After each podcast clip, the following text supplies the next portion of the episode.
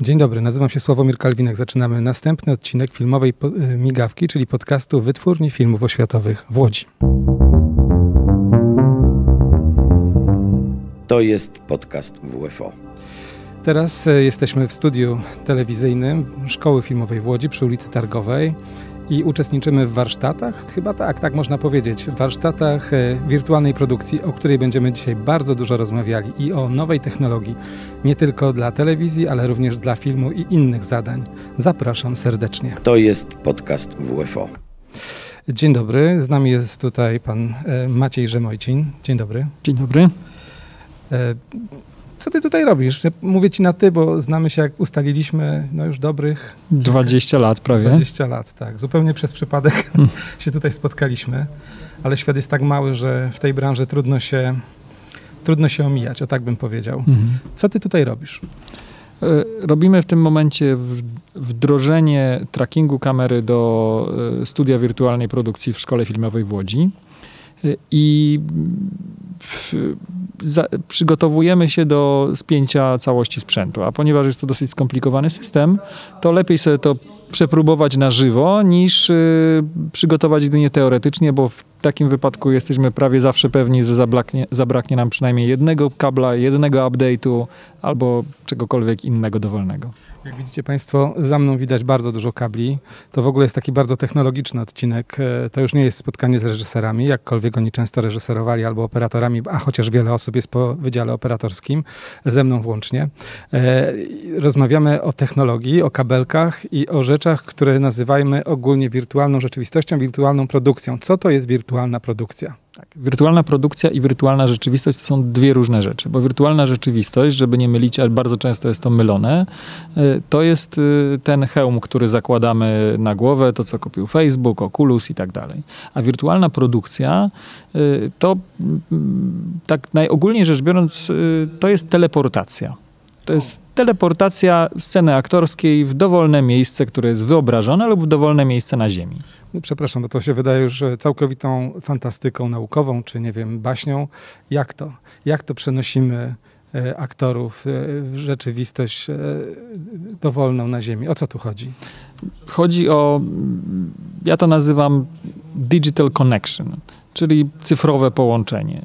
E, czyli ten, to, to miejsce i to jest, wirtualna produkcja jest zestawem technologii i technik, które zajmuje się łączeniem rzeczywistości fizycznej z łączeniem rzeczywi z rzeczywistością cyfrową, najczęściej na żywo. E, I więc jest to technika real-time'owa, w momencie, kiedy do sceny aktorskiej, która dzieje się na żywo, dorenderowujemy scenę cyfrową, która dzieje się na żywo. Najogólniej rzecz biorąc. Co to znaczy dorenderowujemy? To nie dla wszystkich jest takie oczywiste. To znaczy, że y, pewnie znają Państwo taki, y, takie y, sytuacje, gdzie na przykład ktoś na chodniku rysuje nam taką, taki wielki wodospad. I z pewnego punktu widzenia ten wielki wodospad wygląda tak, jakbyśmy się w tym chodniku mieli zapaść, i, ale działa to tylko z jednego punktu widzenia.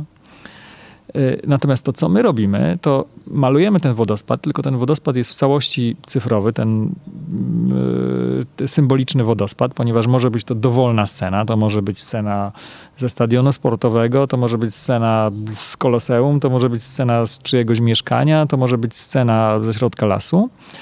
Tylko jednooczną perspektywę, punkt widzenia kamery renderujemy na żywo. To znaczy, my podążamy z tym obrazem za punktem widzenia kamery, co oznacza, że kamerze i widzowie, który patrzy na tą scenę aktorską przez kamerę, cały czas jakby on tkwi w tej iluzji.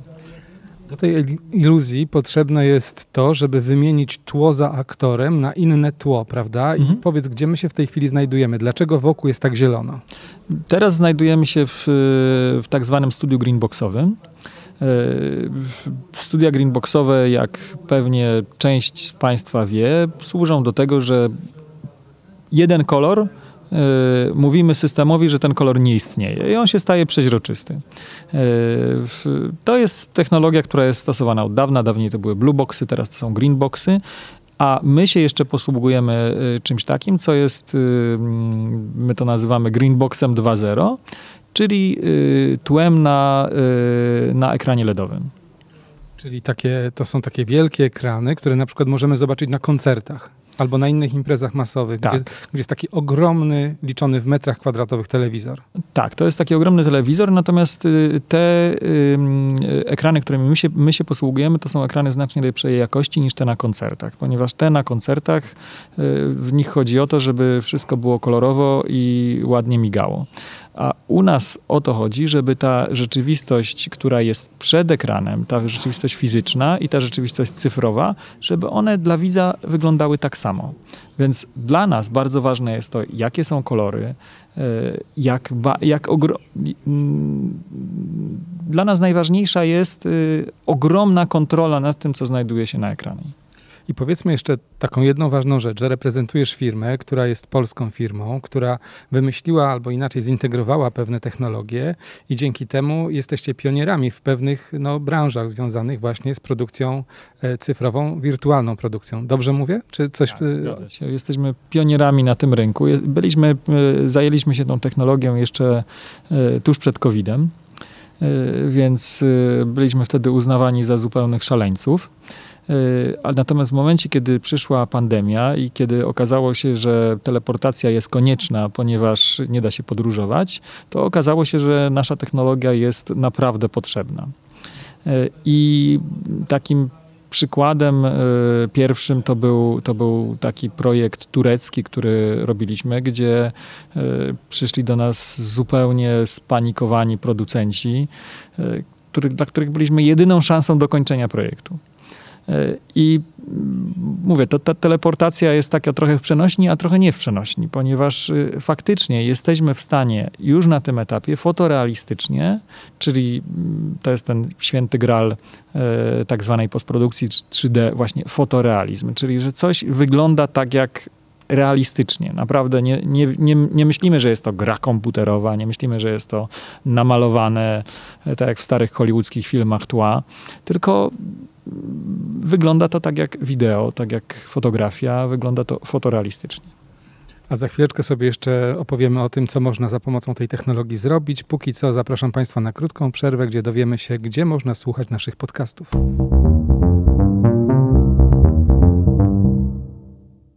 A naszych podcastów możecie Państwo słuchać na platformach YouTube, Spotify, Apple Podcast, Google Podcast i wielu innych tego typu systemach. Zapraszam do subskrybowania i lajkowania naszych produkcji. Przypominam, że jesteśmy w studiu telewizyjnym Szkoły Filmowej w Łodzi przy ulicy Targowej w takim specjalnym pomieszczeniu, które nazywa się Greenbox albo Green Screen, E, a ze mną jest pan Maciej Rzemojcin, który jest e, odpowiedzialny za taką technologię, która być może właśnie w szkole się pojawi. E, Co można za pomocą tej technologii zrealizować? Ta technologia rozszerza możliwości kreatywne reżyserów, operatorów, scenografów. Ponieważ y, to, co dawniej robiliśmy z desek, możemy zrobić cyfrową. To No tam właśnie tam z tyłu za panami widać takie dekoracje, które były używane wielokrotnie do tego, żeby na przykład zrobić cmentarz w tym miejscu i potem go filmować. Są krzyże, nagrobki. E, widzimy mnóstwo różnych rzeczy, żeby zamienić halę zdjęciową w realistyczne, e, przynajmniej wyglądające realistycznie miejsce, prawda? tak. No A ty jakby- proponujesz coś innego. Ja, ja proponuję y, w- taki cmentarz trzeba było zbudować, taką, taką lokację filmową trzeba było zbudować albo na nią pojechać. To były dwie możliwości. No ale załóżmy, że jest to cmentarz, który jest cmentarzem historycznym, na który nie można pojechać, nie można filmować i tak dalej. Bo jest na innej planecie i takich cmentarzy w ogóle nie ma. Albo jest cmentarzem zupełnie wymyślonym przez scenarzystę, reżysera, operatora, scenografa. Y, I to, co możemy zrobić, to możemy sobie zbudować część tej realistycznej y, scenografii y, w, w studiu, a następnie rozszerzyć ją tą scenografią cyfrową. I to jest. y, Dlaczego to jest ważne? Dlatego, że po pierwsze jest to y, w ogóle możliwe. Po drugie, nie musimy tego, y, tej całej rzeczywistości dobudowywać, tak jak dobudowywało się w jakichś wielkich filmach hollywoodzkich, ponieważ ona istnieje tylko cyfrowo. Y, w- Po trzecie, mamy nad nią ogromną kontrolę, bo nad światem cyfrowym mamy znacznie większą kontrolę. A po czwarte, jest to y, korzystniejsze budżetowo i ekologiczne. Y, muszę powiedzieć, że takie pomysły wcześniej już się pojawiały na świecie. To znaczy, nawet w tym miejscu był wykład Zbigniewa Rybczyńskiego, czyli absolwenta szkoły filmowej w Łodzi, zdobywcy Oscara i wynalazcę, artystę, artysty, który mm, wymyślił sobie ideę, pomysł na tak zwane studio ideale i nawet zaczął je we Wrocławiu budować. Po czym z różnych powodów, niestety politycznych, to studio i cała ta budowa została wstrzymana, ale zdaje się, że pomysł dokładnie na tym samym polegał. To znaczy, jak kręcić filmy w hali zdjęciowej, tak żeby nie trzeba było jeździć do bardzo odległych lokacji, tak żeby e, cały film można było zrobić, e, no właśnie, w studio, ale w taki sposób, żeby na ekranie wyglądał jak rzeczywistość. Wtedy była inna technologia, dzisiaj jest inna technologia, e, ale ta, ta, ten pomysł, ta idea chyba nadal jest żywa. Jakiej technologii używacie? Bo zdaje się, że was to bardzo wyróżnia w stosunku do innych firm, prawda? Bo to jest niesamowite, że e, tutaj cała, cały pomysł na ten, e, na, na, na, ten interes, na ten biznes, na, ten, na tą, nie wiem jak to, research e, studio badawcze, to, to, jest, to, jest, to jest, nie, nie dość, że to jest polski pomysł, to jeszcze w dodatku jest no, wyjątkowy, prawda? Powiem tak, jesteśmy y, y, firmą z Polski, która mimo wszystko y, współpracuje z wieloma ludźmi ze świata. I sama ta, to, tą technologią, którą my się posługujemy, która jest naszą podstawową technologią, jest tak zwany Unreal Engine, czyli na polski tłumacząc to nie jest zbyt trafne tłumaczenie, ale tak zwany silnik gry. Czyli to jest w dużej mierze podobne do tego, co dzieje się w grach komputerowych. Tak, prawda? to jest w dużej mierze podobne do tego, co dzieje się w grach. A czym jest gra? Gra jest symulacją świata. E, jeśli ktoś, nie wiem, idzie w grze od punktu A do punktu B, no to musi nacisnąć joystick i przejść, tak? I to samo robi aktor, no przechodzi od punktu A do punktu B. A w momencie, kiedy te dwie rzeczywistości uda nam się zsynchronizować, i tu jest taki, powiedziałbym, dobry przykład, bo każdy z nas, jeśli nie grał, to przynajmniej widział kiedyś w życiu grę tak zwaną strzelankę. Pierwsza per, perspektywa pierwszej osoby, to znaczy, że jakby chodzimy po jakichś pomieszczeniach, y, różnych lochach i tak dalej. A kamera to są oczy gracza, prawda? Który, to są, to są kamera oczy. obserwuje tak to, co tak ten strzelający widzi. Tak jest, ale my się w tych grach przyzwyczailiśmy do rzeczy, która jest kompletnie nienaturalna. To znaczy, siedzimy w miejscu, kręcimy światem. Dla nas to już jest naturalne, bo się przyzwyczailiśmy do tego, ale no jak chcę pójść do tamtego kąta, to ja idę. Nie mogę sobie przekręcić świata i go przesunąć, a w grach komputerowych tak dokładnie robimy. Y, więc to, co my zrobiliśmy i to, co, co, co robi y, de facto cała branża wirtualnej produkcji, to jest trochę odwrócenie. I po to są te wielkie tak zwane LED wall, czy te ogromne właśnie wyświetlacze telewizory, ściany LEDowe, że my możemy po tym świecie chodzić, że może, możemy faktycznie zbudować prawdziwą scenę aktorską, w ramach tego świata, taka, która jest sceną, gdzie ci aktorzy faktycznie się przemieszczają po tej, po, te, po tej scenie. Więc trochę odwrócenie do tej rzeczywistości takiej bardziej naturalnej. A teraz jeszcze będę tutaj do własnej bramki y, próbował strzelać. To znaczy, powiedz mi, co to może dać wytwórni filmów oświatowych, gdyby na przykład chcieć taką technologię do filmów oświatowych albo dokumentalnych przenieść?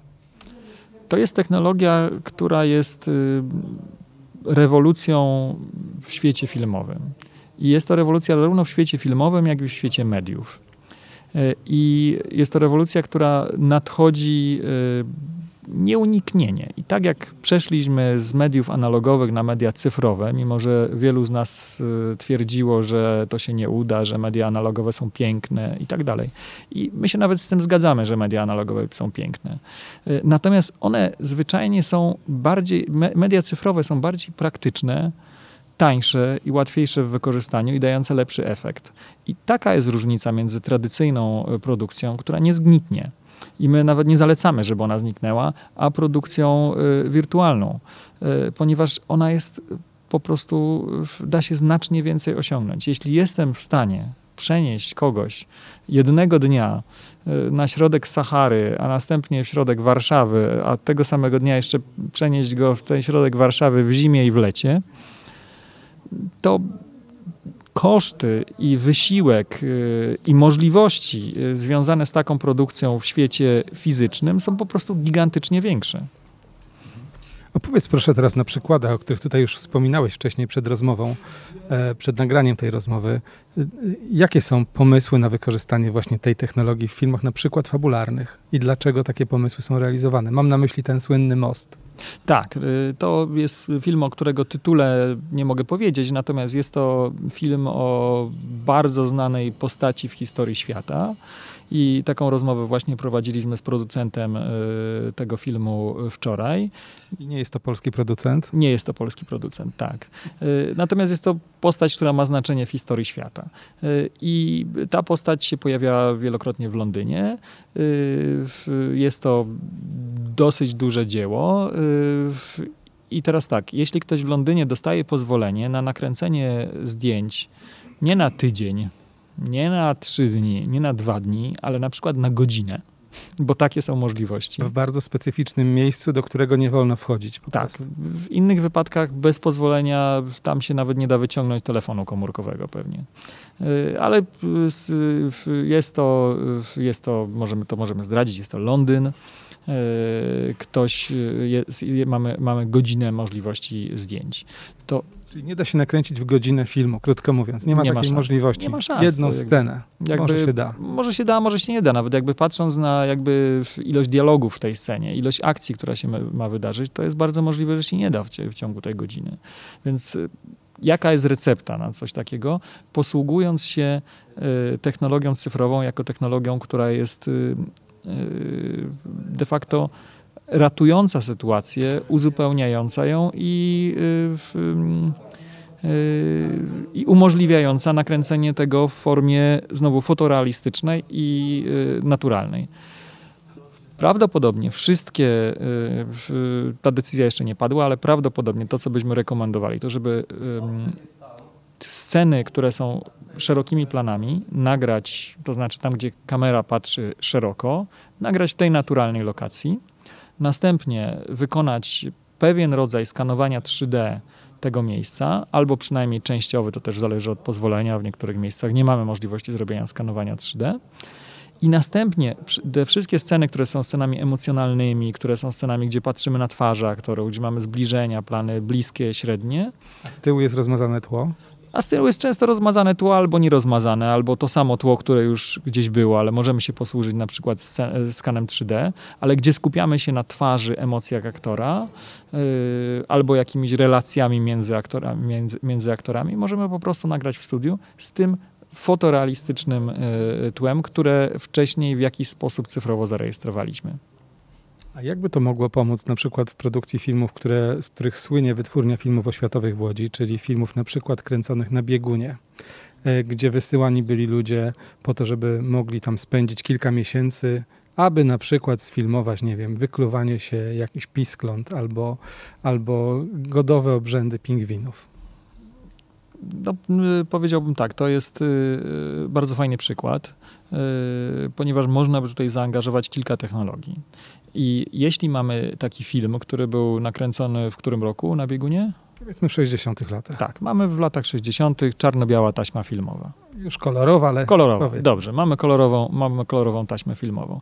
Istnieje w tym momencie technologia, która z płaskiego obrazka za pomocą algorytmu sztucznej inteligencji jest w stanie zbudować model 3D. Nie wiemy, jak, jak, jakiej jakości jest ta taśma, ale jesteśmy w stanie zaangażować jeden algorytm w e, rekonstrukcję tej taśmy, tak żeby, żeby po prostu dobrze wyglądała. Drugi algorytm jesteśmy w stanie wykorzystać do rekonstrukcji tego w postaci modelu 3D i następnie wstawić ten model i w formie historycznej, e, i w formie współczesnej do wirtualnej produkcji. Więc yy, tak naprawdę jesteśmy w stanie uzyskać yy, inne kąty kamery, w sytuacji zupełnie historycznej e, oraz jesteśmy w stanie wstawić tam nowych aktorów do tej sceny z bieguna. A czy to jest drogie? Najważniejsze pytanie, czy to jest drogie? E, powiedziałbym, zawsze, zawsze cena jest względna, tak? E, natomiast powiedziałbym, i co, co, jest to, co, co jest jakby tym elementem względnym? Wirtualna produkcja względem wyjazdu na biegun jest bardzo tania.